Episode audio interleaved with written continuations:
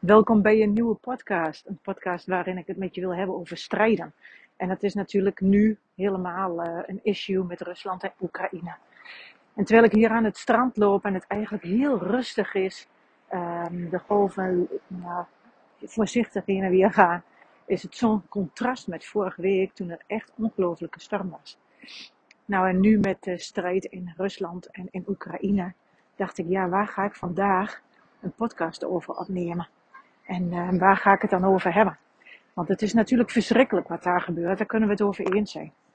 En uh, daar kunnen we hele dagen over vullen. Er is uh, veel nieuws. Dat kunnen we allemaal volgen. En ik denk ook dat het goed is om erbij stil te staan. Wat daar allemaal gebeurt. En je kan je zelfs helemaal verliezen in wat daar gebeurt. En zonder dat ik wil zeggen dat je je er niet mee bezig moet houden.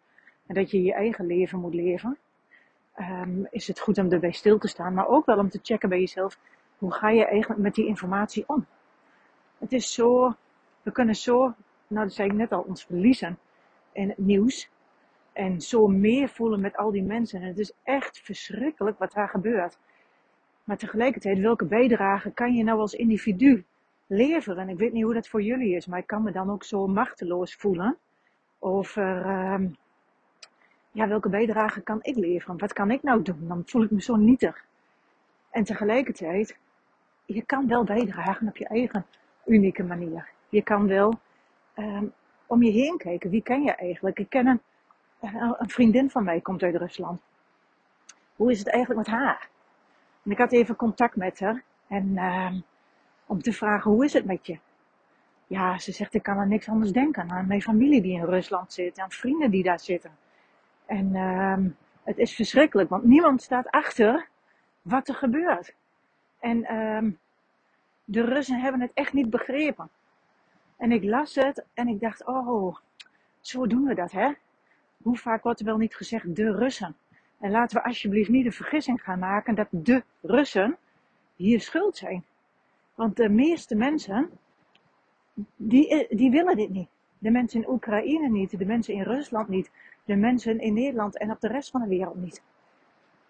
Um, maar we generaliseren er wel op los, de Russen. En ik wil niet zeggen dat iedereen dat doet, maar je snapt mijn punt wel. Maar laten we niet met z'n allen heel Rusland over één kamp scheren. Er is gewoon heel veel aan de hand waar we niks over weten. En uh, uh, je hebt nooit alle informatie. Maar waar ik deze podcast graag met je over wil hebben, is over de strijd die er is. En dan heb ik het niet alleen over de strijd die nu in Rusland en Oekraïne is, maar de strijd die wij ook regelmatig in ons hebben. Want als je toch kijkt zo naar de strijd in, bij, nou, die er nu gaande is in Rusland en Oekraïne, ook die leiders van die landen. Met wie strijden ze echt? Dit is natuurlijk helemaal niet de strijd die er nu is. Dit is een strijd die al veel eerder is ontstaan en die generaties doorgaat. En um, pas opgelost wordt als we echt gaan kijken naar waar gaat het nou eigenlijk echt over. Maar heel vaak komt het helemaal niet van het hier en nu. Dan is er een strijd die al veel eerder plaatsgevonden heeft. En um, dat is eigenlijk bij ons allemaal precies hetzelfde. Want wij zitten ook met een strijd. En nou wil ik het absoluut niet vergelijken met wat er daar gebeurt. En tegelijkertijd is dat wel zo. We zijn aan het strijden met onze werkgever. We zijn aan het strijden met onze collega. We zijn aan het strijden met onszelf. We zijn aan het strijden met onze ouders, met onze kinderen, met de buren. En um, gelukkig niet de hele dag hoop ik. maar we hebben allemaal wel eens dat je echt ongelooflijk kwaad bent op iemand. Of dat je geraakt bent. Dat er een confrontatie is die je hebt. Of dat je ervoor wegloopt. En zelden is het de confrontatie waar je in zit. Heel vaak ben je gewoon aan het strijden met iemand anders dan met degene waar je mee bent. De collega die je steeds irriteert en waar je ruzie mee maakt. Um, de collega die steeds ruzie met jou maakt. Heel vaak gaat het niet over jou. Heel vaak gaat het niet over degene met wie jij bent. Maar wat er gebeurt is dat je geraakt wordt in iets wat er in jou is. Een strijd die je vroeger niet hebt kunnen voeren, omdat je te klein was. Een strijd die je vroeger gevoerd hebt en die niet opgelost is. waar je nog steeds uh, onrust over voelt.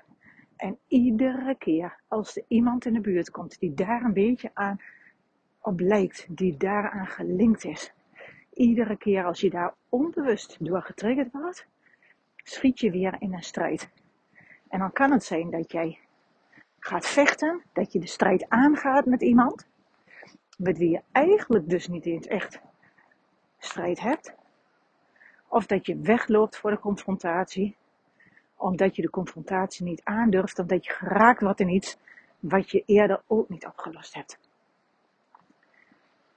En dat is interessant, want ik geloof dat dat ook werkelijk, als je zo kijkt naar Poetin, als je kijkt naar andere wereldleiders, naar mensen die macht hebben, nou ja, dat is natuurlijk ook uh, aan de orde van de dag op het moment als je het nieuws uh, kijkt. En tegelijkertijd, nu is het in het nieuws, het is er altijd al.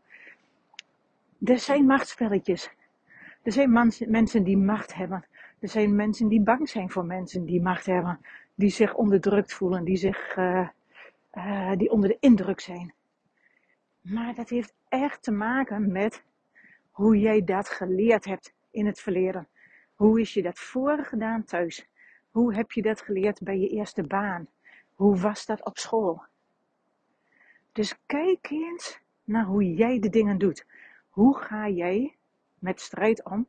En met wie ben je eigenlijk in het hier en nu nog steeds aan het strijden? Dat is echt super interessant om te onderzoeken. En dat is wat heel veel mensen niet doen. En waarvan ik denk, als we dat wel gaan doen, en je kan aansluiten bij wat je voelt. En je kan onderzoeken waar komt het toch vandaan dat ik steeds opnieuw op deze manier communiceer met mensen of niet communiceer met mensen. Als je daar bewust van wordt, dan kan je uiteindelijk daar een andere keuze in gaan maken, omdat je niet vanuit je onbewuste steeds opnieuw de strijd wel of niet aangaat, maar omdat je kan kiezen in het hier en nu, is deze situatie voor mij een grens die ik aan mag geven? Of is dit prima om nu met mijn volwassen ik hierover in gesprek te gaan in plaats van de strijd aan te gaan? En zo telt dat voor jezelf, maar zo telt dat ook voor de mensen in jouw omgeving die wel de strijd met jou aangaan of die bijvoorbeeld verdwijnen. Met wie zitten zij eigenlijk te strijden? En moet jij je eigenlijk wel aangevallen voelen? Of zegt dit mogelijk helemaal niets over jou, wat die ander zegt? Echt serieus, het is een wereld van verschil als je echt durft te onderzoeken hoe doe ik dat met emoties? Hoe ga ik om met boosheid? Hoe ga ik om met verdriet? Durf ik te voelen wat er werkelijk is? Durf ik echt te voelen en naar binnen te gaan en te voelen dat ik ergens gewoon nog steeds last van heb, dat iets zeer doet, dat iets pijn doet? En weet je, het leven is een soort pendule. En als die naar de min slingert, slingert die ook naar de plus. En zo gaat die pendule steeds heen en weer. Maar als je steeds opnieuw de pendule aan de minkant stopt, omdat je niet wil voelen, omdat iets te spannend is, omdat je iets niet aan wil kijken, omdat je er van weg blijft, dan gaat die pendule aan de pluskant ook niet door naar de hip hip omdat er altijd een soort laag komt, een, een, een bescherming, waardoor je niet optimaal het leven beleeft. En dan zit je dus in de overleefstand. En dan ben je misschien wel aan het strijden, maar niet met diegene waar het werkelijk over gaat. Misschien kan je eens kijken aan de binnenkant. Hoe doe ik dat? Hoe ga ik om met de emoties boosheid? Hoe ga ik om met de emoties verdriet? Met angst, met schuld, met schaamte? Durf je echt te kijken naar wat werkelijk is? En um, nou, de vraag die ik nu al vaker gesteld heb, met wie strijd je? Onderzoek dat eens voor jezelf. Met wie strijd jij echt? En als je ergens weer eens voelt, oh, ik word ongelooflijk boos op deze persoon. Of ik um, word geraakt en ik ga weg. Gaat dat wel over het hier en nu? Of is dat oude meuk? En echt serieus. Op het moment dat je dat aandurft te kijken. En je kan dat opruimen. En dat is niet even van vandaag of morgen. Dat zijn echt onbewuste processen waar je fantastisch werk mee kunt doen. Dat is wat we in de trainingen bij ons steeds aanpakken, waar we naar kijken. En niet omdat we in die shit moeten roeren, want dan gaat het ook alleen maar stinken, maar wel dat je ernaar kunt kijken vanuit je volwassen ik. En dat je dan echt kan voelen, oh ja, dit is wat ik altijd nog gedacht heb en ik maak een vergissing. Het is niet meer zo. En als je dan voorbij die vergissing kunt gaan, omdat je het bewust geworden bent, ja, dan kan je natuurlijk nieuwe keuzes maken. Of sterker nog, dan hoef je niet eens een nieuwe keuze te maken. Dan zul je voelen dat het leven gewoon lichter wordt, omdat je echt gekeken hebt naar hoe zit ik eigenlijk echt in elkaar? Hoe komt het nou dat mijn emoties zo ineens als een wervelwind voorbij komen? Hoe komt het dat ik ineens ontplof? Of dat er ineens zoveel tranen komen? Of dat ik de realiteit niet meer onder ogen kan zien?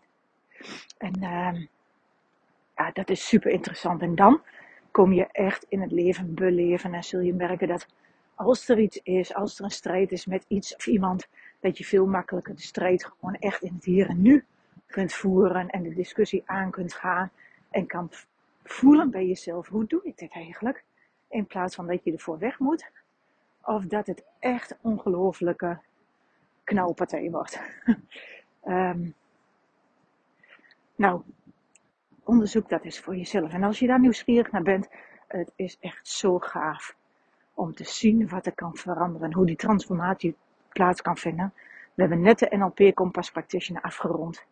En als ik zie hoe mensen zoveel puurder in het leven staan en echt merken, ach jeetje, ik maak gewoon geen ruzie meer over kleine futiliteiten, terwijl ik daar echt gek van kon worden. Zoals bijvoorbeeld kinderen die uh, rommel laten slingeren, of een partner die nog een keertje die snoesknop indrukt, of, uh, of, of, een collega of een directeur die, uh, die iets zegt waar je het niet mee eens bent. Zoveel makkelijker gewoon kunnen staan en kunnen zeggen waar ze voor staan in plaats van dat ze verdwijnen of de strijd aangaan.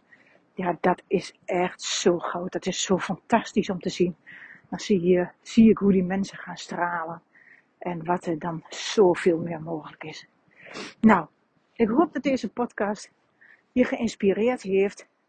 Dat je voor jezelf kan checken. Hoe doe ik de dingen die ik doe? En als je nieuwsgierig bent en je geïnspireerd voelt en je denkt, oh, ik zou daar ook een stapje willen maken, maar ik weet niet hoe, neem contact met me op. Stuur een mail naar sabine.detrainingsboerderij.nl Kijk eens bij ons op de website www.detrainingsboerderij.nl om te kijken of daar misschien iets tussen staat waarvan je voelt, ja, het wordt tijd voor een stap. En ik maak heel graag een afspraak met je om te kijken of wij je daarbij kunnen helpen. En uh, ik zou zeggen, beleef het leven met alles erop en eraan. En uh, dan wens ik, je weer, wens ik je verder een hele fijne dag. Bye bye.